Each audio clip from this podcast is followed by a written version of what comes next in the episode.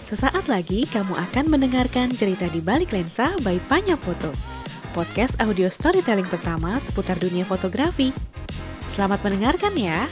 Aku cuman kayak ngelihat kuota fotografer laki-laki tuh banyak. Nah, Wah. ini dia nih. Itu kok aku ngelihat cuman ya ya oke yang udah senior Mbak Iya. Ade Berry gitu ya. Aku ngelihat di lapangan sedikit Iya. gitu. Jadi jangan dipikir bahwa kamu wah kuota foto perempuan wah keren gagah segala macam juga rentan loh. Iya, betul. Juga kita sebagai akhirnya perempuan kayak tidak punya suara.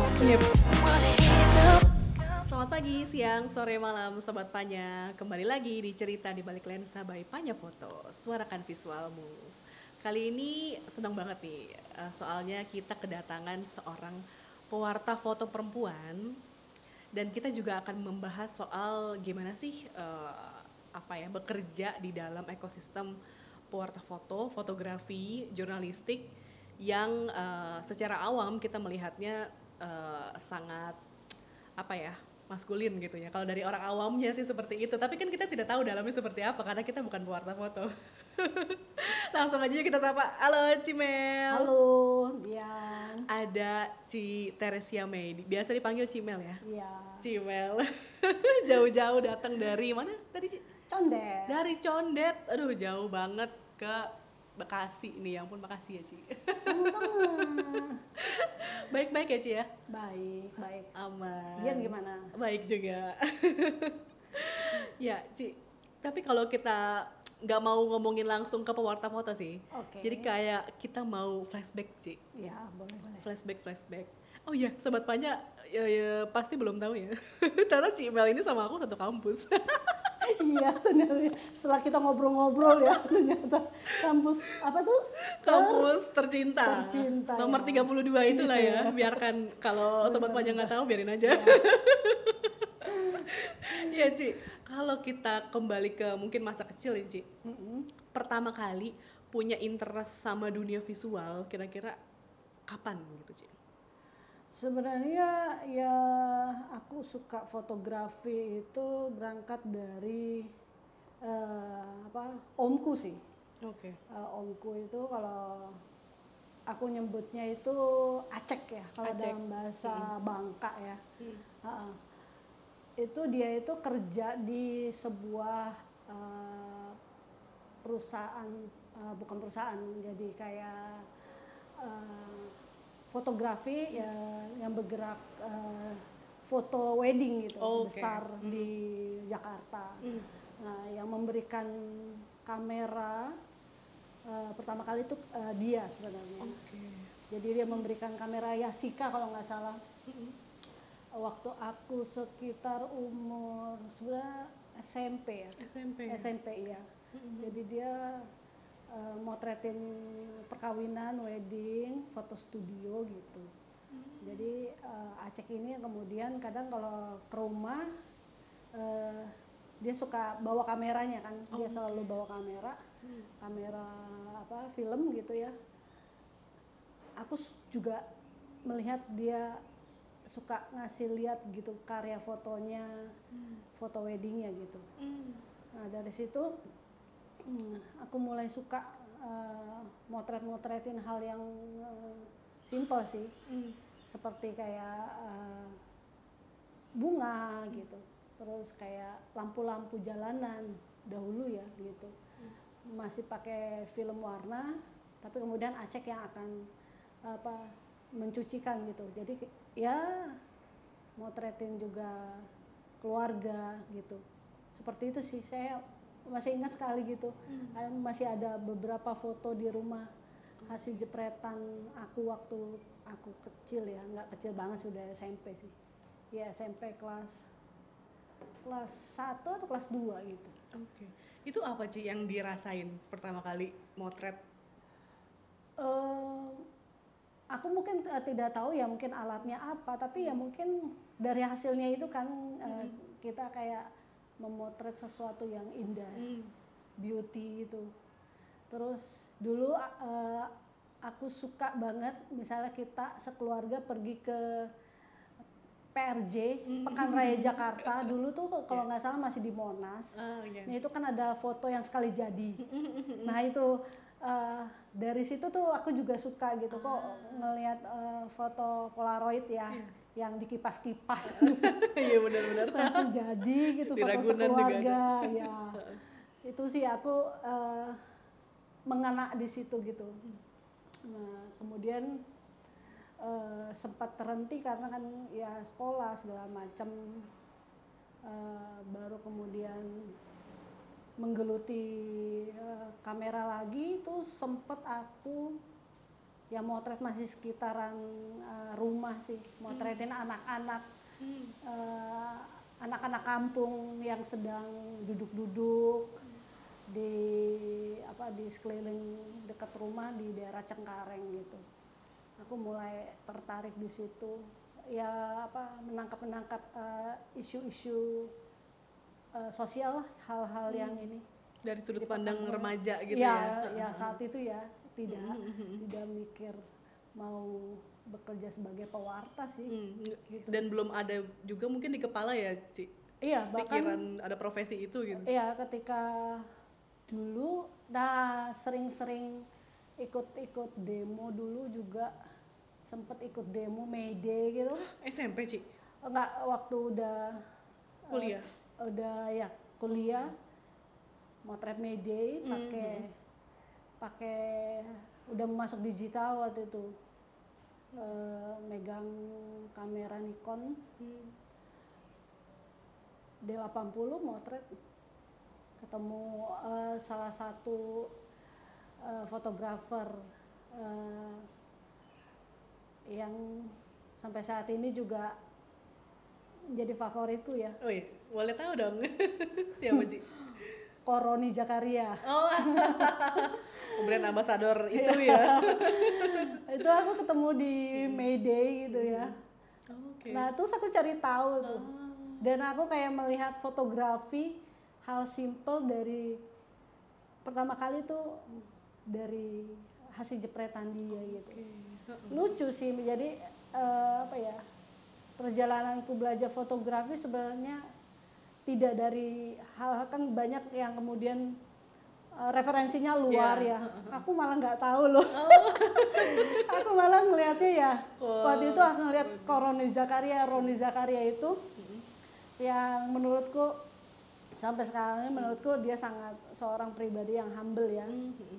Eh, karena sering banyak diskusi orangnya juga tidak pelit ilmu kalau menurutku Hmm, Oke oke.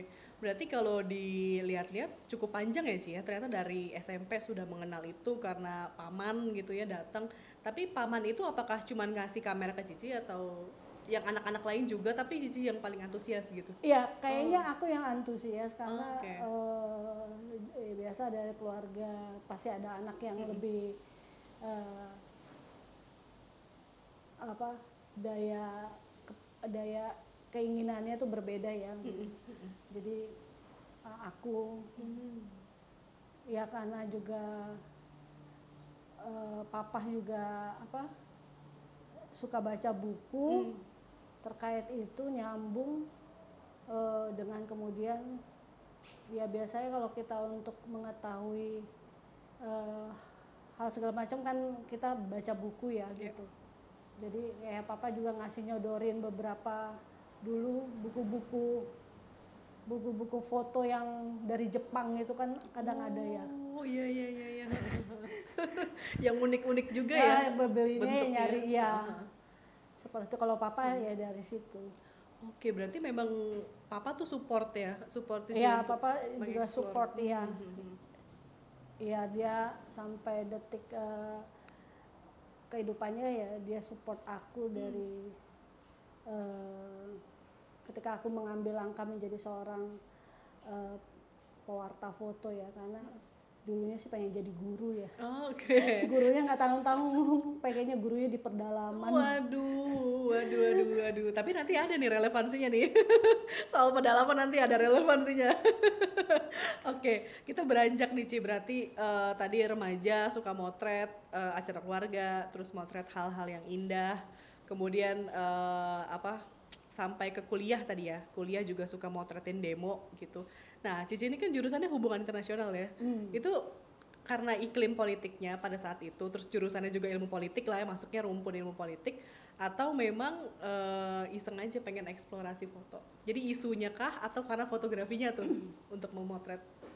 Eh, sebenarnya eh, kayaknya ini ya tidak disangka ya. Hmm. maksudnya eh, waktu itu ya ketemu Roni itu di Mayday Oke. terus cerita-cerita eh, nanya-nanya gitu Eh, mau belajar fotografi itu di mana ya gitu oke kemudian eh, dia sebutkan salah satu lembaga Mm-mm.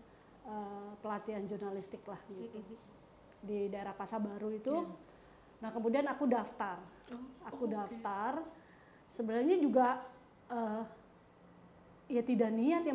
Aku memang suka hal mengeksplor hal-hal baru ya, terus senang bertemu dengan orang gitu, hal-hal baru yang menurutku memang eh, belum pernah aku jalani gitu. Jadi sama-sama sama sekali blank. Mm. sama sekali blank. Karena eh, ya karena be- bahkan portofolioku itu lucu banget. Portofolioku adalah gambar-gambar lampu-lampu jalanan kota. Ah, oke. Ya kalau ngeliatin yang lain wow. Wah kayaknya nggak sempet minder gitu. Waduh wow. Karena ya memang sama sekali eh, tidak tidak terdistrak apa ya tidak tidak tahu bahwa foto jurnalistik seperti Iya, ini iya. foto eh, foto landscape seperti Iya. ini. Pokoknya ya aku motret aja. Mm. berdasarkan itu motret saja gitu. Mm. terus aku ikut kelas dasar dan luar biasa ya. Maksudnya uh, aku di situ jadi mengetahui uh, penggunaan kamera lubang jarum dari awal terus Iya. kamera analognya Hmm. terus um, uh, mem- apa menyetak mencetak terus kemudian memproses di kamar gelap gitu ya. Uh, itu bagiku sebuah pengalaman yang menurutku uh, hal baru sih seperti itu. Kemudian setelah itu eh, berpameran gitu. Kemudian aku masuk eh, kelas jurnalistik dan itu bagiku juga hal baru karena bagiku eh, di situ eh, aku belajar eh, apa belajar tentang apa ya tentang foto yang akhirnya kemudian meni- mengandung nilai berita. Ya. Nah, di situ. Mm. Meskipun sempat bolong-bolong masuk kelasnya karena dikejar-kejar deadline skripsi yang kemudian harus selesai tapi di tengah tekanan skripsi itu malahan kemudian aku bisa eh, membuat sebuah karya tentang seorang eh, penyandang disabilitas ya disabilitas eh, seorang eh, tukang gigi palsu di daerah Kapuk dan sehingga itu bisa dipamerkan dan aku merasa lega karena skripsiku skrip- skripsiku Selesai. selesai dan pameranku juga mendapat apresiasi dan bisa di Wow. eh, di apa di publish di sebuah eh, apa media cetak yang lumayan besar gitu Wow. di di kolom apa foto ceritanya wow menurutku itu aku langsung oh oke senang juga ya bisa apa terpampang gitu ya akhirnya oke mau gimana gitu mau gimana nih Mel? Mau melangkah menjadi wartawan foto kah? Gitu. Itu sempat rada bimbang sih karena eh, se- sebenarnya pengennya jadi guru gitu guru guru di pedalaman pedalaman ya mengajar gitu. Karena dulu juga sempat sama apa ap- apa salah satu waktu ditanya ketika masuk ke lembaga pelatihan jurnalis itu ini kalau kamu nggak masuk ini gimana? Gitu. Terus aku bilang oh ya udah nggak apa-apa. Eh, bang mungkin saya nanti akan jadi guru aja. Eh, tapi ternyata takdir menentukan lain. Takdir berkata lain ya. Tapi ada dua hal nih yang aneh nih buat aku nih Ci. Di kampus kita itu itu kan jurusan yang bekennya itu jurusan jurnalistik benar sekali nah itu kamu memang dari awal nggak tahu bahwa fotografi itu ada hubungan sama jurnalistik atau setelah kamu ma- dan kalaupun kamu sudah masuk jurusan HI kan di situ ada UKM kapak gitu. Iya. Nah itu gimana tuh Ci? Eh, nah dulu makanya aku tidak tertarik sama sekali gitu. Oke. Oke jurnalistik, oke aku pikir kan kalau jurnalistik oke menjadi seorang wartawan tulis Uh-uh, kah atau iya, apa kan ya uh-uh. gitu. Oke ada eh, apa UKM fotografi oke gitu. Tapi memang hal tersebut tidak membuat aku oke aku ingin masuk ini nih eh, kelas eh, apa eh, jurusan jurnalistik nih. Karena aku pikir eh, sebelumnya aku masuk HI itu oh, pengen kerja di Kementerian Luar Negeri. Oke, itu mimpi semua anak HI di awal-awal Iya, gitu iya. ya. Diplomat Iya, gitu. gitu. Kayaknya kok enak ya kita ke luar negeri ya, gitu ya. Eh, sempat pernah dulu meliput ke Kemenlu gitu. Oke. Eh, enak ya gitu ya. Tapi akhirnya aku menjadi yang motretin ya, gitu motretin peristiwanya ya ya sudah ya gitu. Karena Akhirnya. juga tapi ini juga di fun fact juga nih Ci, Tem- teman-teman kita gitu yang HI itu memang kebanyakan jadi juga jadi wartawan, Ci. Banyak ya makanya Kan di diplomat kan S2 kan, nggak mungkin S1 Iya, doang. iya. Akhirnya kan pikirnya ya kalau bisa ya ngambil S2 juga Iya. di luar gitu. Kalau nggak dapet beasiswa, kepikirannya kalau enggak ya sasarannya ya kerja di atas lah, Iya. pokoknya di ini lah ya, di, Kantor lah ya berdasi lah ya. Di kementerian, di di apa di Kedubes apa, gitu-gitu. kedubes ya. gitu-gitu sih. Iya iya iya. Ibaratnya eh, Cimel ini belajar jurnalistik jauh-jauh padahal kampusnya itu kandangnya gitu ya. iya makanya kadang kalau orang nanya oh oh kampus isip oh kampus tercinta Ketahuan juga jurusan apa HI oh HI gitu oh iya Kenapa nggak jurnalistik? jurnalistik gitu. iya kalau ke jurnalistik kan pasti semua kayaknya Jakarta itu di setiap Di setiap media itu pasti media ada. itu pasti ada Pasti ada lulusannya. satu, dua, Ha, pasti ada aja. penuh ya Penuh. Apalagi zaman-zaman tuh TVRI kan. Oh iya. Semuanya pasti anak kampus itu. bahkan ya TVRI, RRI lah, apalah semuanya anak-anak kampus itu lah ya ya. media televisi koran hampir semua isinya itu ya Iya, anak-anak itu lah ya. Kalau liputan rasanya kayak Iya reunian. benar, iya. Lu angkatan berapa gitu? Lu apa gitu kan? Pasti ketemu tempat nongkrongnya. gitu. pasti, pasti. Bahkan aku masih punya Banyak. grup alumni sampai iya, sekarang sih. makanya. Enak. Tuker-tukeran nomor gitu. Terus dosen kita tuh apa ya kebanyakan humble juga ya Ci. Eh, kalau di jurnalistik humble kan eh, waktu masih kampus ya lu hubungan kita eh, mahasiswa sama dosen tapi ketika udah lulus ya hubungan itu sama, sama benar-benar. wartawan Iya, iya benar-benar. Iya sih. jadi minta nomor-nomor narsum tuh di grup sih Iya.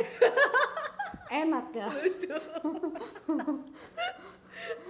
oke berarti itu nah itu menarik juga tuh Ci yang soal penyandang disabilitas itu gimana tuh bisa menemukan eh, isu itu Ci Eh, waktu itu kalau nggak salah ngelihat di salah satu eh, media televisi yang angkat terus ya akhirnya aku angkat sih Hmm. aku angkat pas itu juga deket rumah Ah, daerah Kapuk situ. iya iya Kalau eh, sekarang kayaknya masih ada, Mm-mm. dia membuat gigi palsu memang. Oke. Dan dia juga ini juga bawa angkot eh, Cengkareng Kamal. Jadi eh, tangannya itu dua itu eh, apa eh, cacat di pangkal pas eh, siku ya. Terus kaki kanannya juga eh, cacat gitu. Tapi ya itu eh, luar biasa sih Pak Seke ini sih. Nah itu waktu meliput eh, apa ya Ci? Di zaman itu kan mungkin belum ada eh, pedoman yang lebih sensitif ya, yang lebih inklusif Oh untuk iya, meliput yang benar itu. yang disabilitas Oh. atau teman-teman yang eh, apa minoritas gitu. Itu eh, apa nih yang Cici lakukan saat itu? Biasa aja liputan seperti orang lainnya atau ada perlakuan perlakuan khusus nggak? Kayaknya pada era itu belum ada seperti saat ini mungkin ya. Iya. Eh, jadi ya tapi tetap sih eh, izin atau kemudian menyesuaikan waktu kepada Pak Seke itu tetap diutamakan sih gitu. Iya. Eh, terus ada batas-batas kemudian kalau dia tidak nyaman dan tidak mau Hmm. itu juga aku ya mengikuti dia sih gitu. jadi eh, tetap eh, tetap eh, subjek fotonya sih yang, yang memang aku prioritaskan lah gitu Hmm. Eh, wawancara juga eh, senyamannya dia sih waktu itu ya karena eh, ya orangnya juga sebenarnya asik aja gitu. Eh, tidak yang menutup diri atau bagaimana. Eh, tapi ya sedikit waktunya itu sih yang dia kan kerja kerja dua ini ya maksudnya dua profesi seperti eh, supir. Jadi kadang aku harus nungguin waktu yang pas sih seperti itu sih tapi dia sih asik sih baik dan ya syukurnya waktu itu pernah juga diangkat di acara Kick Andy ya Oke. Oh iya iya iya. terkait ya eh, dia yang berjuang eh, terhadap eh, keterbatasannya ya semoga eh, selalu sehat sih aku udah lama nggak ke situ sih ke eh, ke Kapuk sih Hmm. udah berapa tahun ya. Hmm. Oke. sehat Nah, ada kontradiktif juga nih, Ci. Eh, di, satu, di satu sisi kuliah HI awalnya mau eh, kerja yang cantik gitu ya. Dalam artian dalam ruangan ber-AC, tapi ternyata kamu kerjanya di lapangan, keringetan, panas-panasan, kulit kebakar dan lain-lainnya. Ini gimana sih sebenarnya kamu passion yang bergeser atau memang kenyataannya setelah dicoba ternyata memang enakan di lapangan gitu? eh ya itu tadi ya akhirnya kemudian karena keadaan dan beradaptasi akhirnya ya ya mengikuti sih Hmm. Eh, awal-awal eh, ya karena suka memang dari dulu ya kerjanya kadang eh, sebelum aku menjadi ini emang kerjanya di lapangan jadi pernah eh, pernah kerja eh, jadi penerjemah di Oke. salah satu yayasan eh, yayasan apa bergerak dalam bidang pendidikan Hmm. nah aku suka kadang suka ke lapangan di daerah Kamal gitu jadi Oke. eh, ketemu orang ya, aku suka banget juga ketemu orang ya ngobrol. Jadi ketika akhirnya kemudian kerja tidak di balik meja terus di lapangan dan harus eh, di bawah eh, panas matahari kebanyakan sih sebenarnya. Eh, kalau eh, akhirnya ya gitu aku beradaptasi gitu. Hmm. kadang dulu ya hunting ke mana-mana gitu eh hunting ke Cilincing ataupun seputaran Jakarta yang lumayan jauh nggak di tengah kota. Hmm. eh yang terima sih. Akhirnya mengerti lah oh ini profesi. Ternyata ternyata ini ya ya harus punya mental sih mental. Ya mungkin akhirnya akhirnya sih eh, dahulu tuh eh, sudah sudah berpikir sih oke kerja eh, kerja kerja apa kerja di sebuah media yang lumayan besar gitu ya Eh, dan pada saat itu eh, bukan editornya bahkan Hmm. kepala ininya kepala biro kepala Oke. bidang ininya tuh eh, Pak Sin Pak Sin Pak Sinartus tuh Oh. Pak Sinartus itu MI ya? mm, itu baru kalau nggak salah baru pulang dari Amerika sepengetahuanku dan Hmm. langsung megang eh, desk foto di media Indonesia. Dan aku eh, cukup terkesan sama pasien tuh karena ketika wawancara aku terus dia nanya sebenarnya kamu kenapa mau jadi pewarta foto gitu? Jadi wartawan foto lah ya pewarta foto dulu bilangnya ya fotografer ya Iya. bukan belum pewarta foto Oke. ya aku aku bilang aku cuman kayak ngelihat kuota fotografer laki-laki tuh banyak Nah, Pak. ini dia nih. itu kok aku ngelihat cuman ya ya oke yang udah senior Mbak Iya. Ade Berry gitu ya Iya. aku ngelihat di lapangan sedikit Iya. gitu jadi aku bilang ke Pak Sin gitu eh, Pak Sinatus gitu bahwa aku ingin mm, apa eh, memenuhi bukan memenuhi ya Mengisi, menambah kuota menambah. mengisi kuota fotografer perempuan, Perempuan. sebenarnya gitu sehingga setidaknya ya ada lah jadi Iya. nggak melihatnya Laki laki-laki semua. semua. terus ada lah nyempil gitu satu gitu ya, atau dua gitu itu sih yang Oke. waktu masuk eh, media Indonesia itu eh, aku terkesan dengan Pak Sinartus yang sangat welcome ya dengan eh, pemikiran aku juga gitu. Dan orang yang sangat humble juga Ya. eh, karena dia eh, sangat eh, bisa berdiskusi gitu. Eh, sangat apa ya tidak tidak inilah tidak tidak melihat orang bahwa oh kamu ini terus Iya, ada Benar. stigma-stigma gitu Iya, ya. benar-benar selalu dan dia selalu dia pertama kali menyarankan oh Meli itu kamu harus ganti sepatu sepatunya harus yang lebih ini ya kamu harus yang lebih ini karena nanti kamu kalau liputan diinjek-injek kakinya Eh, oh tadi sepatunya apa flat shoes gitu? aku aku mau bayangin lagi. cuma, cuma sepatu sneaker biasa Oh, sneaker skate. jadi biasa, dia eh, katanya harus yang rada sepatu boots juga karena Oh, ini dia bilang seperti Oh, itu. oh, oh. Jadi hal yang perhatian eh, itu sifat perhatian menurutku yang sangat mengenal sampai Iya, sekarang. ha.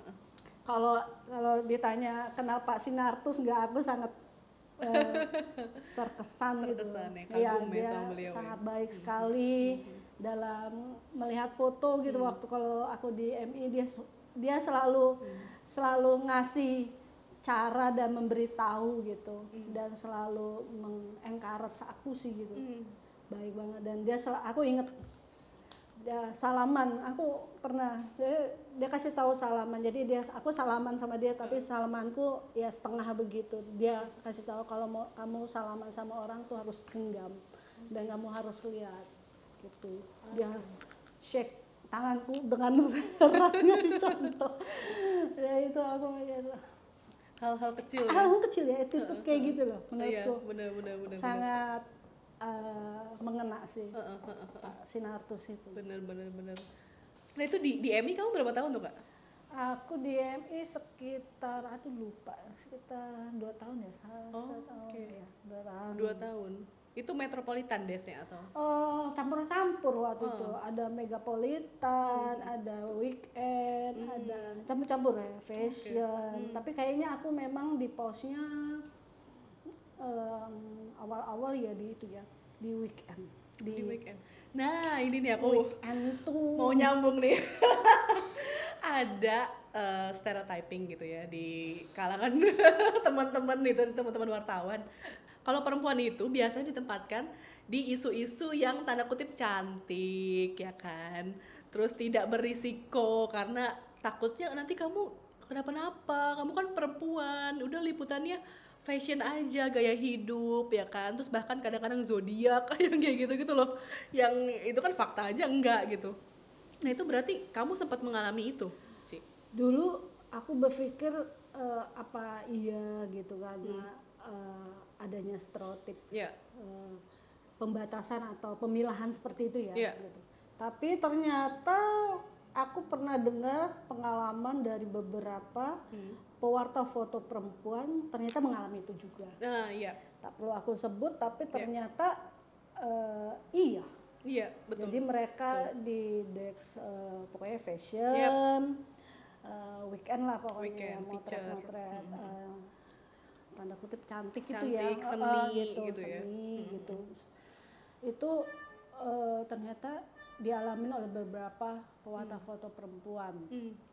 yang aku juga nggak ngerti eh, eh, pembatasan itu dikarenakan apa ya gitu apa karena melihat bahwa oh perempuan mungkin dilihat tolak ukurnya dulu ya nanti apa nanti eh, bisa melakukan atau dalam segi liputannya baru akan dimasukkan ke megapolitan atau gimana gitu.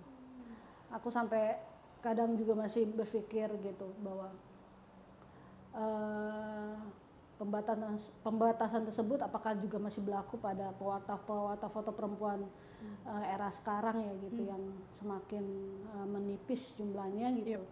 Karena menurutku ya kadang ya mungkin pada era itu ya memang belum ada kali ya atau memang mm, mereka eh,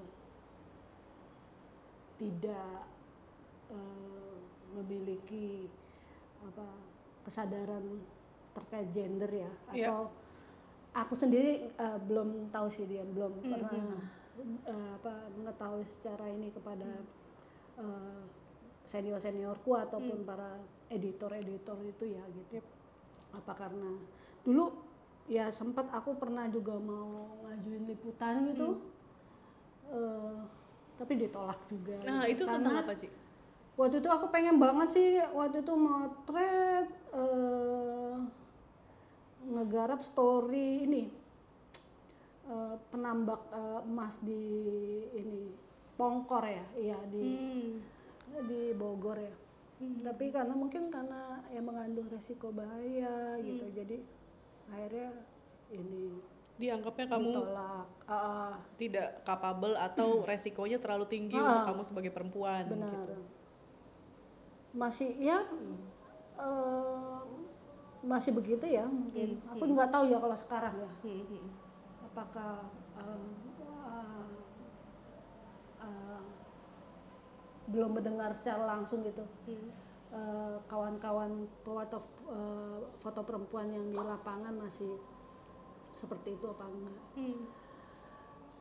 ya beberapa sih banyak hal yang aku alami ya kayak eh, merasa harus di ditekan untuk selalu kuat gitu Iya. karena kita kan punya tetap aja punya keterbatasan toh gitu Eh, mungkin kita setara tapi tetap ya kan kita antara laki-laki dan perempuan dalam hal eh, fisik eh, dalam fisik tuh misalnya secara kita eh, kayak mm, eh, haid segala macam eh, itu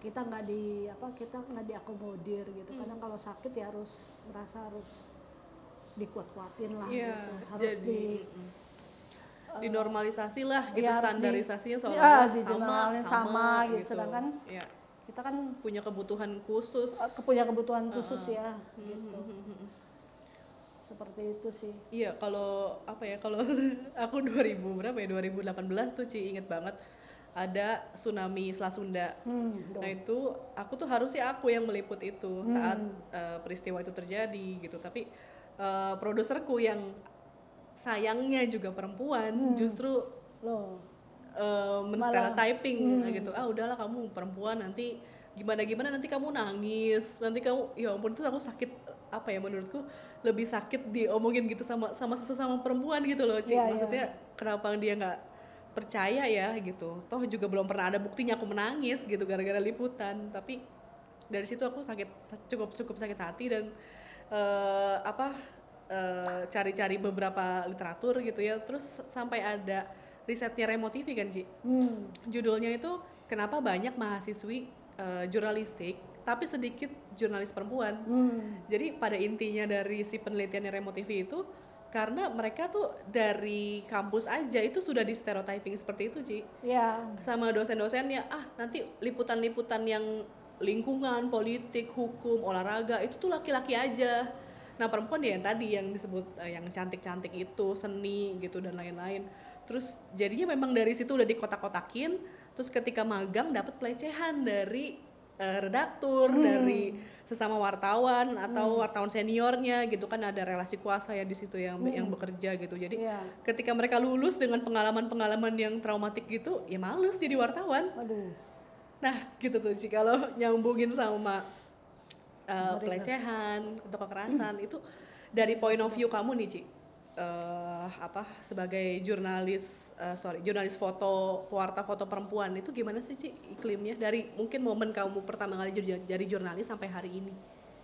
Eh, nah itu ya. Eh, salah satu bidang pekerjaan yang yang juga rentan ya. Di- jadi jangan dipikir bahwa kamu wah warta foto perempuan wah keren gagah segala macam. Juga rentan loh. Iya betul. Juga rentan mengalami itu karena ke- melalui pengalamanku aja gitu. Aku juga pernah uh, mengalami itu ya. Dari beberapa kawan-kawan juga yang profesi gitu ya. Dari humas-humas kementerian. Aku juga nggak ngerti ya. Uh, itu humas-humas itu kenapa melakukan itu ya gitu. Kadang sedangkan tidak ada uh, pembicaraan yang mengarah ke situ ya gitu tapi uh, humas itu tuh melakukan apa uh, meskipun uh, pelecehannya uh, secara verbal ya gitu itu menurutku itu udah salah satu hmm, kerentanan bagi uh, pewarta foto uh, perempuan dari kawan-kawan yang sama profesi juga hmm. gitu hmm. Uh, dan itu kadang uh, akhirnya diabaikan gitu hmm. diabaikan karena kemudian ada melihat bahwa mungkin kita jadi kayak disamakan oh yeah. mm lu cowok jadi kayak yeah. ini apa laki-laki jadi kayak kita dipandang maskulin gitu jadi uh, sehingga walaupun itu dalam bentuk bercandaan tapi itu kan tetap aja sebagai bentuk uh, pelecehan ya gitu. Uh, aku pernah dari kawan seprofesi juga melalui chat gitu yang bingung juga itu. Bicara tentang foto nyambung nyambungnya ke urusan misalnya uh, hotel. Yang menurutku oh oke okay. terus aku langsung aku ancam gitu kayaknya enak nih uh, bang gue bilang. Kalau chat lu ini eh, gue uh, teruskan ke grup WhatsApp kantor. Wih dia langsung kaget dan langsung telepon aku terus langsung enggak Mel gue cuma bercanda bla bla bla. Hmm. hmm. oke okay, bercanda lu udah keterlaluan kali gitu. Menurut lo apa sih? gitu. Sedangkan tidak ada tidak ada apa ya tidak ada uh, pembicaraan kan bisa aja gitu ya kan apa gitu. ini nggak ada kita bicara tentang foto bicara tentang kantor gitu dan ada juga pengalaman kawan yang mengalami uh, pelecehan seksual gitu dan itu diabaikan ketika masuk ke ranah kantor yep. kemudian hal tersebut uh, diketahui oleh pimpinan dan itu juga diabaikan gitu uh, oke okay. kalau menurut aku jadi melihat bahwa uh, sedih banget sih gitu uh, kadang kita sebagai akhirnya perempuan kayak tidak punya suara. Yep. Loh Mel, kenapa pada saat itu tidak di blow up diadukan? Itu sudah sampai ke ranah kantor sebenarnya harusnya yep. uh, ada sanksi ataupun apa ya dikeluarkan eh, atau apa ataupun apa pun lah. Tapi udah. Hmm dan itu cukup menjadi trauma sih bagi kawanku juga terus aku gitu kalau melihat kawan-kawan ya ya oke okay, uh, eh, harus dipahami Meli bahwa kadang uh, kawan-kawan juga uh, tidak mendapatkan penyadaran yeah. gender itu ya yeah. gitu tentang pelecehan seksual sangat-sangat uh, bahan-bahan pembicaraan yang rada-rada apa ya rada-rada uh, sedikit tanda kutip apa ya tabu gitu tabu itu yang kadang itu menjadi bahan candaan bagi iya, kawan-kawan iya, sih. Bener, bener. yang kadang aku suka oh ninggalin gitu. Hmm. terakhir kayak aku kemarin di IWD gitu ada kawan-kawan pewarta yang kemudian hmm. lagi ngomongin ya dia mereka ngeledek-ledekin apa transpuan gitu salah satu kawan di situ. Terus aku bilang eh lo gitu-gitu filmmaker lo pembuat film dokumenter hmm. mereka hanya bicara tentang seputaran uh, urusan kelamin yeah, bla bla yeah. gitu hmm. hmm, hmm. terus aku bilang gitu-gitu bang pem, uh, penggiat dokumenter tuh hmm. udah bikin film dokumenter hmm. tuh hmm. oh oh gitu iya lo ngelihatnya begitu aja sih aku bilang supaya jadi bahan candaan dan tertawaan saja gitu. Karena menurutku. Ya kadang eh, perlu ada eh, pendidikan dan eh, apa tentang kesadaran itu ya gitu. Iya iya. Bener bener banget tuh apa yang Cici alamin apa yang aku alamin. Juga mungkin aku kayaknya bisa bilang semua jurnalis perempuan lah ya Ci. Pasti pernah lah pasti pernah lah gitu. Iya. entah colekan entah chat stiker-stiker WhatsApp itu Ci itu kan banyak ya yang jadi sampai kasus parah ya di tempat kerjaku dulu itu mereka tuh punya grup Ci eh, si wartawan itu. Wartawan cowok semuanya itu mereka tuh punya stiker setengah aja bikin stiker-stiker WhatsApp yang cewek-cewek seksi. Hmm ya ya Iya. ya. Oh yang Iya, heeh. hmm. yang kayak gitu-gitu sampai akhirnya Ember, ketahuan sama sama kita kita yang perempuan kita laporin ke HRD tapi ya balik lagi sih karena HRD juga nggak punya basis nggak punya peraturan yang inklusif gitu loh jadi semua permasalahannya tuh kayak dari eh, sistematis ya. Kita dari dari eh, kantornya nggak sensitif terus pewarta fotonya apalagi dan perempuannya juga mungkin jadi sebenarnya tahu itu salah. Tapi kita juga mau tadi yang Cici bilang mau speak up juga ruangnya nggak aman. Gimana Iya. mau ngomong? Ya sangat sangat tidak ada ruang aman sih Iya. kalau menurutku. Aku sih kayak eh, akhirnya ya mengetahui itu eh, bahwa kemudian hal ini menjadi tidak tidak tidak aman dan tidak nyaman itu ya pas peristiwa itu ya maksudnya eh, kok begini gitu Iya. kok akhirnya makanya aku pada saat itu wah aku nggak selamanya ini kerja menjadi seorang pewarta Hmm. Karena bagiku ini sebuah bukan sebuah eh, pekerjaan yang eh, ya udah jelas eh, semua pekerjaan penuh tekanan tapi Iya. bagiku eh, luar biasa ya gitu. Hmm. Eh, ya sampai sekarang juga aku eh, memutuskan untuk jadi freelance gitu. Mulai motret lagi setelah aku eh, apa berhenti eh, memilih untuk menjadi seorang ibu gitu ya Eh, dari Denali anakku yang sekarang udah tujuh tahun. Eh, karena menurutku akhirnya itu pilihanku karena oke menjadi ibu itu sebuah anugerah. Dan aku am- ingin ambil pilihanku ini gitu. Karena untuk membagi sebuah dua dunia gitu itu bagiku sangat sulit dengan Iya. kemudian kondisi liputan yang tidak pasti waktunya ya walaupun di eh, beberapa mungkin pewarta foto pe- perempuan itu bisa dilakukan tapi bagiku akhirnya aku mengambil sebuah pilihan itu gitu. Oke. dan sekarang ya aku coba untuk eh, eh, memotret lagi gitu. Eh, bikin apa eh, foto dokumenter gitu. Eh, itu kayak membuat aku eh, meng-recharge lagi ya gitu. Bahwa mungkin panggilanku ya ada di sini juga gitu seperti itu sih Ya, jadi eh, apa Ji? Maksudnya eh tadi kita ngomongin kekerasan dan lain-lain, tapi kayak hak kita yang basic gitu ya Ci. Maksudnya yang haid, melahirkan, apakah aku nggak tahu ya nggak pernah ngelahirin, tapi apakah tiga bulan itu sebenarnya cukup gak sih sebagai eh, ibu gitu untuk eh, istirahat dari aktivitas bekerja?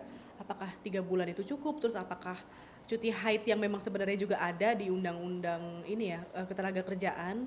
Tapi sayangnya di UU Ciptaker itu Ci, yang sangat menyebalkannya Yang si UU Ciptaker itu tidak membatalkan UU ketenaga kerjaan, tapi UU Ciptaker itu tidak bertanggung jawab kalau kita eh, libur itu dibayar atau enggak. Hmm, kan jadi parah sama aja. ya. Makanya itu dia sama sama aja jebakan Batman ya kan. Hmm, Ibaratnya sok-sok tidak membatalkan, tapi dia juga tidak bertanggung jawab kalau lu nggak dibayar. Karena kan lu libur gitu Oh, hitungannya. itu mungkin yang kemarin aku diskusikan sama Ajeng. Ah, sama Ajeng Dinar ya kemarin pas eh, ketemu di HI ya aku bilang dia nanya enaknya cutinya dia saat ini sedang hamil yes. enaknya eh, cutinya kapan? Dia dapat cuti empat bulan katanya. Oh, oke. Terus aku bilang eh, di saat kemudian ia melahirkan dan aku bilang di dua bulan pertama atau kalau bisa ya lebih lama. Hmm. tapi dia sampai sedikit kayaknya aku tangkap meng- mengerutkan dahi karena sepertinya mungkin itu ya kayaknya tidak dibayar atau bagaimana atau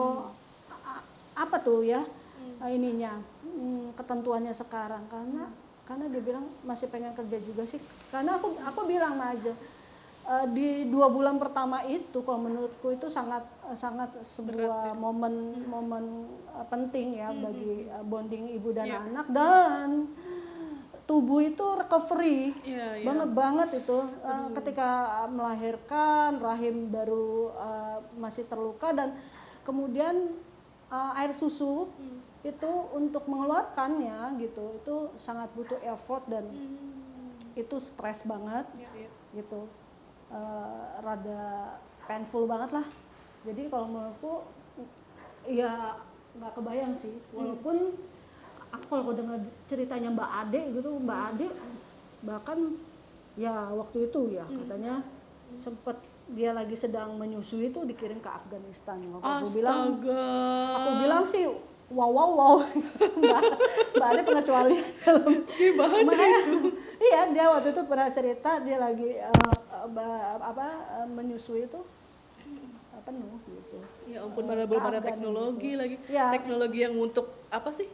Dinginin Iya, ASI itu itu- belum ada kayaknya ya waktu itu ya. Eh, luar biasa sih kalau menurutku makanya aku bilang sama Ajeng eh, ya pergunakanlah sebaiknya kalau sekarang Iya. ya gitu kalau bisa ya memang kita punya punya apa punya bisa lah me- meng- menerapkan Iya. hak kita ya Iya, iya. karena kalau dulu Mhm. ya mungkin nggak seperti sekarang ya Mhm. kalau iya kali ya. Kalau dulu mungkin eh, ya aku ngalamin tekanan bahwa kompetitif gitu bahwa Iya. kemudian ya sekarang mungkin kompetitif juga gitu. Iya. Tapi kayak eh, sakit atau eh, seperti kita eh, eh, lagi hamil gitu. Hmm, ya dikuat-kuatin sih. I- jadinya apa ya Iya. karena kita di posisi yang tidak aman gitu ya dalam artian kita juga masih mencintai profesi ini mis- eh, kita juga secara finansial butuh juga tapi di sisi lain kita juga sulit ya maksudnya karena si eh, pemberi kerja kita si perusahaan kita ini buta tanda kutip itu kan buta soal hak-hak yang khusus tadi tuh yang seperti haid melahirkan dan lain-lain kemudian jadinya menguntungkan perusahaan lah si UU Ciptaker itu gitu kan Iya. sulit kita berada di posisi yang sulit Ya, Semakin sulit. Untuk sekarang ini jadi malah tambah ini ya, hmm. tambah Makin sangat sulit. ini ya, sulit ya. iya Uh, wow itu eh, sobat panya Ajeng Dinar itu temanku seangkatan nah, apalagi kemarin ketemu dia udah lima bulan makanya udah Hmm, ya udah masuk ini. iya Terus masih ya Masih masih, aktif liputan. Hmm, sih aku bilang ya saya buat ini aku bilang tapi tetap eh, prioritaskan Iya, ini pasti, apa pasti. Hmm, kesehatan dan bayi. Karena kadang eh, di lapangan tuh para eh, para orang-orang ya bahwa pewarta foto ataupun eh, narsum ataupun orang-orang yang lainnya itu kadang juga kalau ngelihat kita yang lagi hamil tuh Hmm. ya kepeduliannya itu kadang ya masih kurang sih. Aku dulu eh, motret di Kemenpora, Hmm. terus datang itu udah sekitar tujuh bulan. waduh Terus aku telat. Kalau nggak salah kisru eh, PSSI kalau nggak salah. Aku terat dan ternyata pewarta sudah berjejer di pintu masuk. Heeh. Terus akhirnya aku kemudian memutuskan untuk jongkok. aduh Tidak ada yang peduli kecuali salah satu fotografer Kompas, Mas Wawan H Prabowo. Aku ingat banget. Hmm. Aku sangat akan selalu ingat. Hmm. Dan dia eh, mukul apa nepuk pundakku untuk berdiri ya di belakangnya jadi di belakangnya persis di posisi si- yang seharusnya dia eh, tentu mendapatkan foto aman ya gitu. Dia bilang jangan kamu ini apa berdiri kamu lagi hamil. Terus ketika mau aku mau motret kedatangan Menteri Menpora pada saat itu siapa lupa. Aku pengen datang untuk kemudian motret dari dekat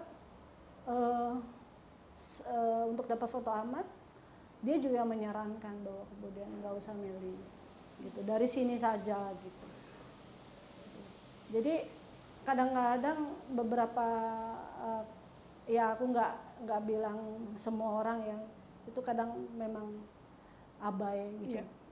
abai uh, dalam hal ini aja merokok Ya, betul, Gitu. betul banget. itu Aduh, gila. kadang ya itu ya gitu. tapi ya sudahlah tapi eh banyak hal sih kalau menurutku yang mereka mengeneralisasi kadang pewarta foto perempuan ya ki- kita bukannya mau eh, eh, dibedakan ataupun disamakan tapi setidaknya ya memang kita berbeda dalam hal eh, fisik dan hal eh, apa ya tubuh kebutuhan Iya, Gitu loh. iya. Maksudnya lagian salah kaprahnya juga dalam kesetaraan gitu ya, dalam feminisme itu orang-orang yang nggak ngerti gitu, Ci. Mikirnya ya udah lu kan mau disetarain laki-laki sama perempuan ya udah setara sama-sama diri dan lain-lain tapi bukan itu gitu loh maksudnya kesetaraan itu kesetaraan akses pendidikan Iya, gitu-gitu loh tapi benar. secara fisik kan kita memang tetap berbeda gitu beban kayak atlet laki-laki dan perempuan aja beda bebannya kan nggak mungkin sama nah secara biologis tuh memang tetap beda kebutuhannya beda kita juga punya beban ganda gitu kan ngelahirin kayak tadi Jessy juga maksudnya ngelahirin juga haid juga tapi juga bekerja juga nyari nafkah juga itu loh maksudnya yang tidak belum dipahami. di rumah tangga ya? Nah itu dia maksudnya tolonglah. Kadang ya kadang itu kadang eh, kepekaan itu Hmm. Betul. sangat sangat kurang di eh, beberapa di masyarakat kita kadang. Iya. Ya kadang kita merasa bahwa oh di apa di kelas tertentu atau di yang sudah teredukasi dengan Iya. baik juga tapi Iya, aja sih kalau biasnya aduh. Serem ya malah ya. Sistem sih kadang Iya, eh, heeh, ada nggak ya gitu ya mereka bisa melihat bahwa eh, memperlakukan eh, kita itu selayaknya diberikan ruang yaitu ya ruang aman Iya. ruang untuk bicara tanpa kemudian dihakimi dijudging dulu ya. Bol eh lemah wah nggak bisa gitu loh. Sedangkan belum kita juga membuktikan belum kita juga melakukan gitu. Seperti itu sih. Jadi kita akhirnya kompetitif oh ini eh, terus eh, berpacu terus kemudian supaya tidak tersingkir supaya tidak ter, ter terbuang dari kerjaan segala macam Wah, Iya ya, jadi kayak ada satu anekdot gitu Ci, maksudnya eh, ibuku sih pernah bilang, kalau bos kamu perempuan, kamu tuh akan susah naik jabatan. Jadi aku mikirnya, eh, apakah sesama perempuan se sekompetitif itu? Tapi kalau dipikir-pikir, ya ada benernya juga, karena perempuan untuk bisa masuk ke dunia kerja aja sulitnya Iya, setengah sangat, mati iya, gitu benar. kan.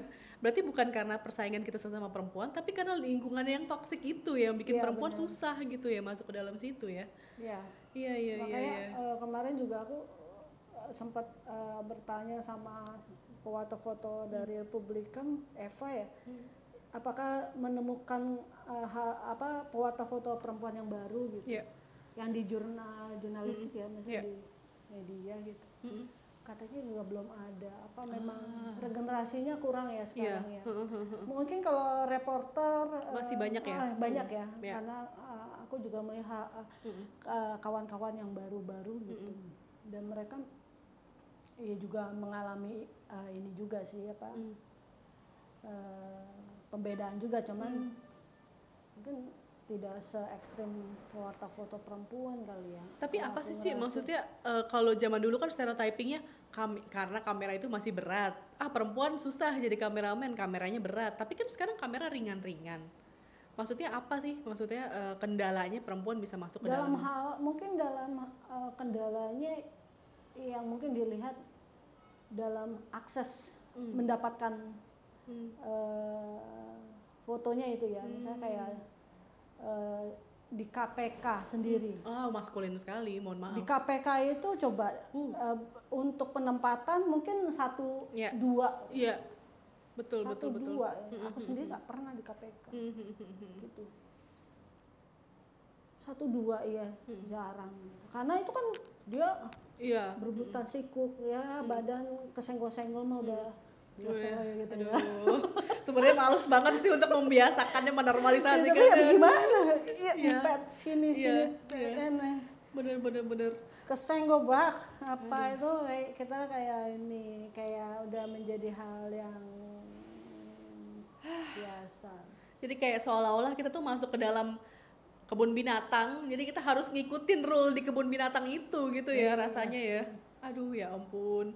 Belum juga di olahraga. Aduh olahraga tuh juga serem loh sih, jujur. Itu perempuan paling satu dua dan apa ya aku nggak kuat dengan bercandaannya sih. Itu kan ada yang atlet eh sorry eh, wartawan salah satu media online yang abis-abisan dikupas sama beberapa media feminis kan yang dia mengobjektifikasi atlet perempuan bukan eh, apa namanya di Olimpiade Tokyo waktu itu kan bukan prestasinya tapi malah perempuannya Perempuannya, yang di gila tubuhnya seksi banget gini gini gini gini. Ya ampun itu aku kayak bener-bener baca koran lampu tit gitu. Yang medianya juga banget. kali ya supaya mendapatkan oplah dan clickers dietnya yang banyak kali ya karena itu begitu isu yang sangat nah. kalau secara mata atau mendengar ataupun membaca itu pasti akan mendulang kayaknya Iya, gitu ya. tapi sebenarnya kalau ini ya Ci, maksudnya ada ya upaya-upaya kayak misalnya Aji gitu ya, terus eh, baca risetnya PR2 Media gitu. Jadi mereka itu eh, apa ya, mendorong media itu punya SOP seperti Project Multatuli kan Ah. punya SOP anti kekerasan Nah, seksual enak dan itu. penanganannya. Oh, iya benar. Nah tapi maksudnya aku sih berharapnya itu bener-bener di kayak mereka roadshow gitu loh. Sosialisasikan ya, sosialisasikan di- dan atau benar. ada pelatihan apa ya Nah, itu dia. setidaknya Itu dia. ada rulesnya yang kemudian ditaatin ya Nah, itu seenggaknya ada pakemnya lah gitu. Iya sebelum eh, sebelum apa sebelum masuk ke peliputan kah atau apa ya ruang aman bagi si Nah, jurnalisnya terus si narsumnya gitu ya Betul, Dia itu betul. kemarin juga Iya. sangat eh, sangat membantu dan mendapatkan pengajaran itu aku juga. Karena sumber umur belum pernah sih mendapatkan pelatihan seperti itu sih gitu. bahwa kemudian eh, ya sebagai kita peliputnya juga mendapatkan ruang aman gitu. Nah, habis dari liputan kita tiba-tiba di eh, mendapatkan intimidasi atau eh, cemooh ataupun pelecehan fisik atau apa ya? Nah, itu kalau- sih kayaknya nggak ada tuh nggak ada ya belum ada. Maksudnya kita udah udah sah UU TPKS tapi maksudnya implementasinya itu loh Ci kita butuh eh, orang-orang yang ngejaga ini bener gak sih? Itu maksudnya kayak kalau di serikat mungkin punya hotline kan ada di Aji juga ada hotline-nya tapi yang ngejalanin hotline itu siapa gitu? Maksudnya perlu kesadaran dari teman-teman perempuannya juga nih untuk ayo yuk kita nggak aman. Yuk kita bikin ruang aman gitu loh. Maksudnya kebanyakan kan kita nggak aman ya udah masing-masing ngelindungi diri sendiri gitu loh Ci jadi nggak terbentuk tuh si Iya. ruangnya itu. Nah kalau menurut Cici apa nih yang kira-kira di lingkungan pewarta foto eh, apa yang harus dilakukan dan ap- apakah sudah ada upaya-upaya gitu dari lembaga-lembaga mungkin yang profesi atau apa yang sudah dijalankan atau sedang? Kalau sejauh ini sih aku baru kemarin mendapatkan pengajaran itu ya, tapi ya eh, harusnya eh, untuk misalnya kayak lem- sebuah lembaga kayak PFI sendiri gitu pewarta Iya. foto Indonesia harusnya mereka eh, mendapatkan itu ya, yang kemudian mendapatkan eh, pelatihan itu gitu ataupun eh, sosialisasi terkait apa ruang aman terkait kemudian un- undang-undang eh, apa itu pelecehan seksual apa Iya, eh, TPKS. eh, supaya mereka setidaknya eh, tidak lagi eh, melakukan seperti kayak nggak usah jauh-jauh ya kayak Iya. pelecehan eh, secara verbal Hmm. yang kadang itu masih eh, hal yang paling eh, mudah dilihat itu ketika misalnya mereka ngumpul. Ya. Dan di situ ada perempuan. Dan tiba-tiba ya menjadi bahan candaan. Ya. Ataupun pandangan mata. Ataupun ya apa ya eh, yang pernah aku lihat gitu ya pandangan mata ataupun kode-kode Hmm. yang Hmm. kode-kode tangan kadang. Mhm. mereka lakukan itu itu em, itu yang harus kemudian mereka pahami sih gitu Hmm. dan itu sepertinya kayaknya itu tidak dijadikan pedoman Mhm. menurutku ya harusnya ada ada yang yang membawa sih sebenarnya aku Iya. kayaknya jadi tertarik sih ya coba ya Hmm. harusnya ada sih Iya, iya. Ya tapi gimana dong di kalau mereka nya tidak berkesadaran dan melihat bahwa itu adalah isu yang krusial ah, atau Heeh. itu menjadi ya ya lu harus be, lu lah yang beradaptasi Nah, itu selalu lu tuh. lah yang kemudian Selalu toxic sekali eh, itu. ya itu kan hanya bercandaan Nah, itu nah iya. itu kita Aduh. juga bingung juga Itu ya. sampah sih. sampah sih normalisasi kayak Nah, gitu itu tuh. gimana tuh gue juga kadang bingung juga nggak ngebayang kan kalau kemudian eh, generasi-generasi baru yang masuk kemudian mendapatkan itu ya Mhm. ya misalnya yang akhirnya Trauma. menjadi seorang fotojurnalis perempuan eh, di era sekarang kemudian dia mendapatkan itu Iya. terus akhirnya akhirnya akhirnya menerima saja ah, menjadi sebuah hal yang biasa Iya, oh, menjadi bahan seperti ini gitu kali ya. ini. gitu setiap datang ya begitu lagi Iya. oh ya udah menjadi ini Iya. atau kita yang pergi Mm-mm. atau kita yang kemudian menyendiri saja gitu Benar perlu inisiatif. Tapi terakhir ngobrol sama Mas Hendra Eka itu kan di PFI kan, dia bilang mulai ada kesadaran itu sih, Ci. Maksudnya oh, keterwakilan perempuan mungkin eh, yang mengisi jabatan-jabatan di PFI ada diutamakan perempuan yang gitu-gitu sih. Mungkin representasi baru mungkin ya aku nggak tahu. Mungkin baru pada sampai level representasi perempuan ya. Tapi mungkin kayak hal-hal yang kekerasan terus eh, apa eh, soal mansplaining yang gitu-gitu mungkin belum, kali ya. ya. pelan-pelan kali ya. Karena representasi itu penting ya. Mau bagaimanapun inklusifnya laki-laki tetap ada bias sih. Tetap ada Iya. bias. Tetap ah, pasti ada bias. Apalagi mungkin laki-laki yang heteroseksual gitu. Kadang ngelihat tadi kan yang Cici bilang itu transpuan gini-gini. Se- seolah-olah Cici harus menjelaskan dulu bahwa dia itu punya prestasi untuk dipandang sebagai manusia. Iya. Gitu loh. Ya Benar sih. ampun kayak atribusi dia sebagai ya dia transpuan ya perempuan gitu. Nah. itu tidak dipandang. Keterwakilannya itu setidaknya juga eh, suaranya didengar nggak? Iya iya dan Kalau mempengaruhi keterwakilannya kemudian hanya untuk ngebantu, Iya, benar, benar. Mm-mm. kalau ada cara di Ya, bagian ampun. konsumsi, ya itu hal-hal manajerial yang stereotypingnya perempuan ya ya ya eh, sama juga bohong ya. iya bener bener sama aja me- merumahkan perempuan lagi di, di Iya, lingkungan iya. publik privatisasi perempuan Kalau kemudian dikasih sebuah ruang, kemudian dalam mem- memimpin sebuah proyek, dalam sebuah eh, ya lembaga tersebut dalam kepemimpinan, ya itu mungkin. Nah, itu. Tapi kalau oke manajerial yang bagian sekretariat, nah ya oke ya ya podo ya. Podo, sama aja sami oge. Oh. Menurutku suaranya tidak terdengar juga apa yang dirasakan kalau Jadi dibuat eksekutor, menjadi ya konseptor. di konseptor terus kemudian membuat program yang kemudian Ya. Itu menyuarakan baru. apa sih yang dirasa nih oleh Iya. pewarta foto perempuan. Apa yang ke depannya apa dibutuhkan. bikin ini Mm. dan ya semoga banyak banyak eh, feminis-feminis laki-laki loh Iya ada, Ya, ada, ada. feminis laki-laki ada. setidaknya berkesadaran gitu Mm-mm. setidaknya Memberikan ruang ya, bukan bukan hak loh sebenarnya itu kewajiban loh iya gitu. sebenarnya Iya iya tapi iya. ya iya. begitu deh harap dimaklumin di dimaklumin lagi? Nggak bisa sih kalau aku. aku nggak bisa memaklumi hal itu sih sebenarnya tapi tapi ya pelan-pelan. Maksudnya kita ya juga pelan-pelan sih kita yang iya akhirnya kita yang juga menyuarakan hak. Iya, kita juga butuh energi. ketika kita misalnya membutuhkan aduh butuh cuti haid nih kita Nah, harus ya, fight speak up ya. juga gitu loh. Oh nggak bisa nih nggak bisa mas.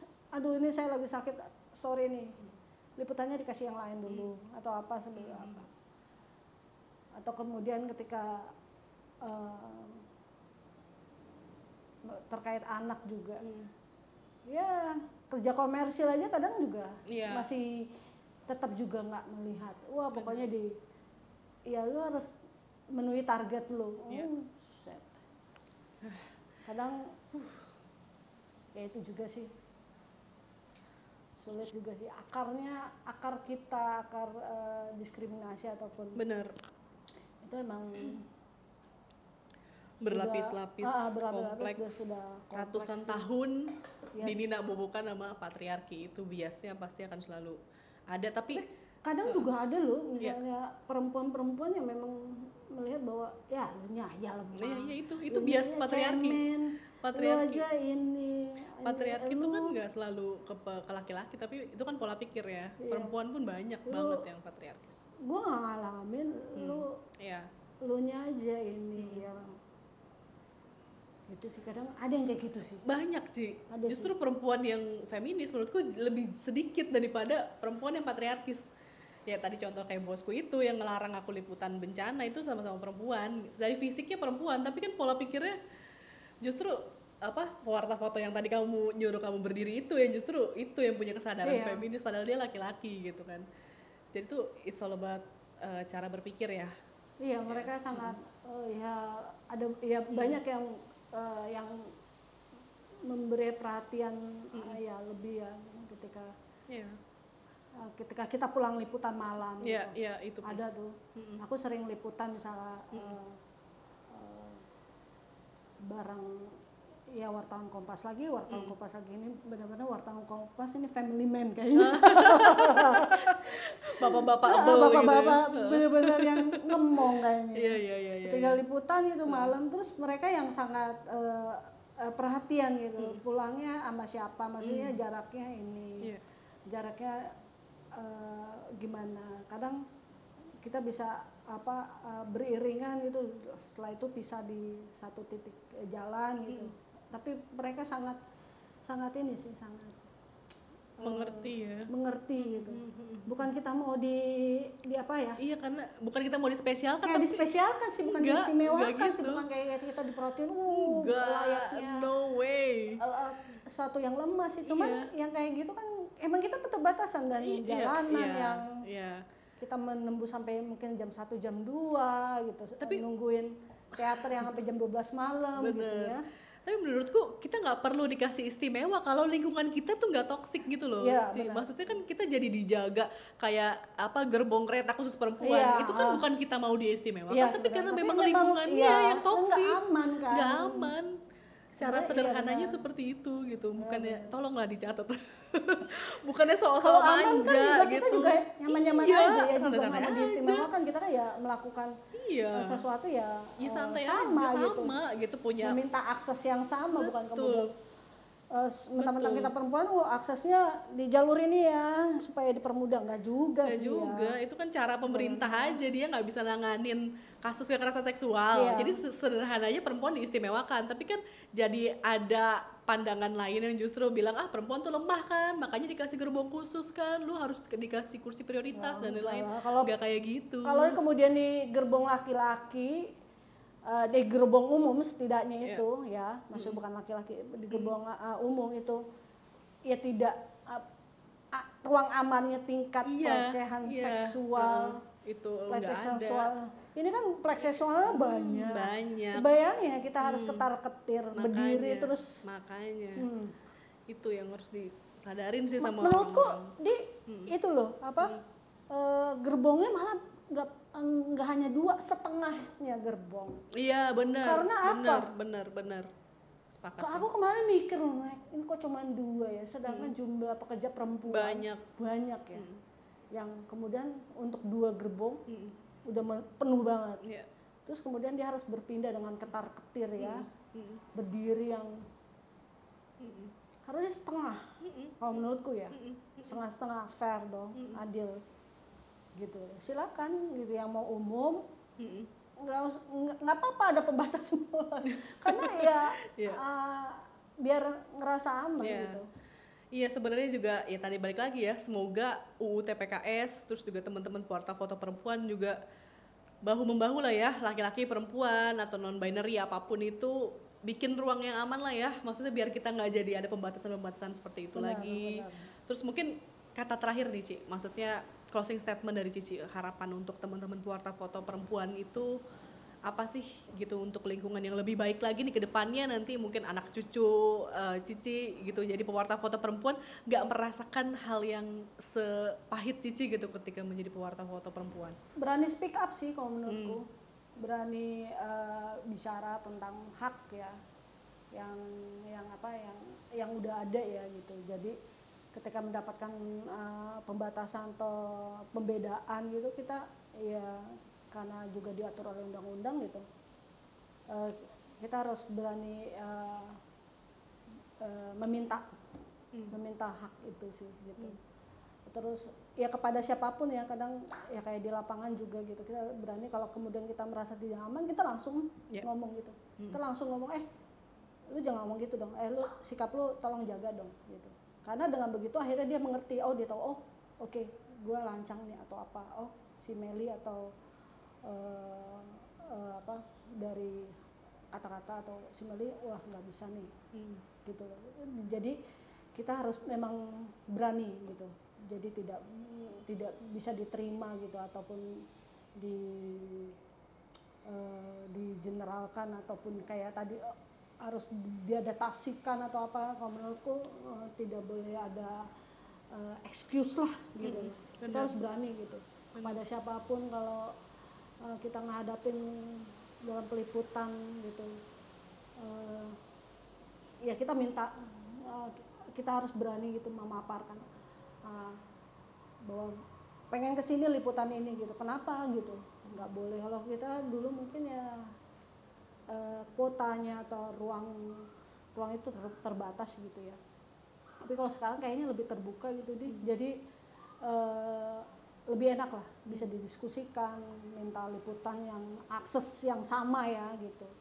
Uh, ke misalnya liputan yang diperuntukkan hanya untuk eh, laki-laki ya gitu. Kita bisa minta gitu seperti itu sih. Kalau menurutku eh, semoga untuk generasi ya aku berharap ada generasi sih eh, pewarta foto perempuan yang eh, adik-adik ya gitu. Jangan takut Hmm, untuk menjadi pewarta foto perempuan karena ini sebuah dunia yang begitu banyak eh, apa pembelajaran cerita eh, asik sih kalau menurutku gitu Hmm, seperti itu Iya, oke. Closing statement yang satu kata kunci tadi ya, berani speak up gitu. Berani meskipun ancamannya juga banyak ya, Ci. Yoi. Hilangkan pekerjaan dan lain-lain. Tapi kalau nggak kita mulai gimana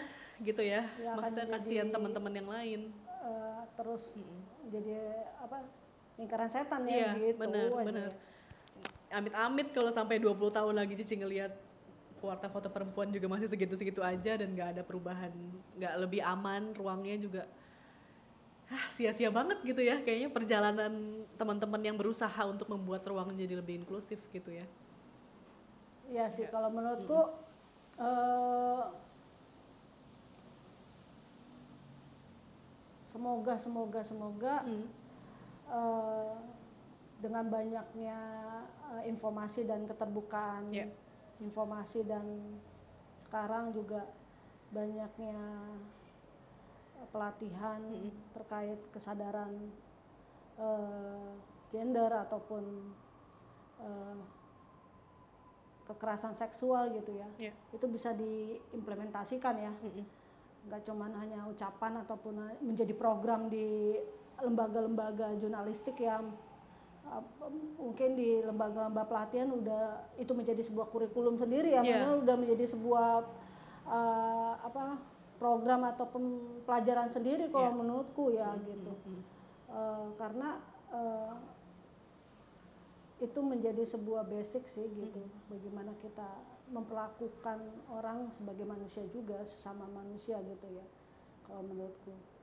Karena uh, ketika kita meliput ataupun uh, melakukan pekerjaan kalau tanpa dasar itu kalau itu ya sulit sih untuk mendapatkan feel yeah. seperti itu satu jam bersama Cimel tuh rasanya berat karena kita ngomongin hal yang berat juga ya Ci maksudnya belum ada uh, penyelesaiannya gitu belum terlihat signifikan di lapangan tapi kita masih berusaha ya Ci. Maksudnya dengan cara apa pun tadi dengan speak up atau dengan mungkin juga kan kan Cici juga speak up ya melalui podcast ini. Semoga juga banyak pewarta foto perempuan yang bisa uh, termotivasi dan berani berkarya berani speak up juga untuk bikin ruang berkaryanya aman gitu ya Ci. Oke, okay. thank you banget Sama-sama. Cimel. Ya Terima ampun. kasih, Selamat juga peliputannya. Terima kasih. peliputannya sobat Panya yang sudah baca Project Mutatuli harus dilihat. thank you. Keren banget Ci. thank, you Ci. Thank you. Yuk, terima kasih sobat Panya yang sudah mendengarkan. Hai Sobat Panya, terima kasih sudah mendengarkan podcast cerita di balik lensa by Panya Foto. Nantikan terus episode selanjutnya mengudara setiap dua kali dalam sebulan di aplikasi Noise.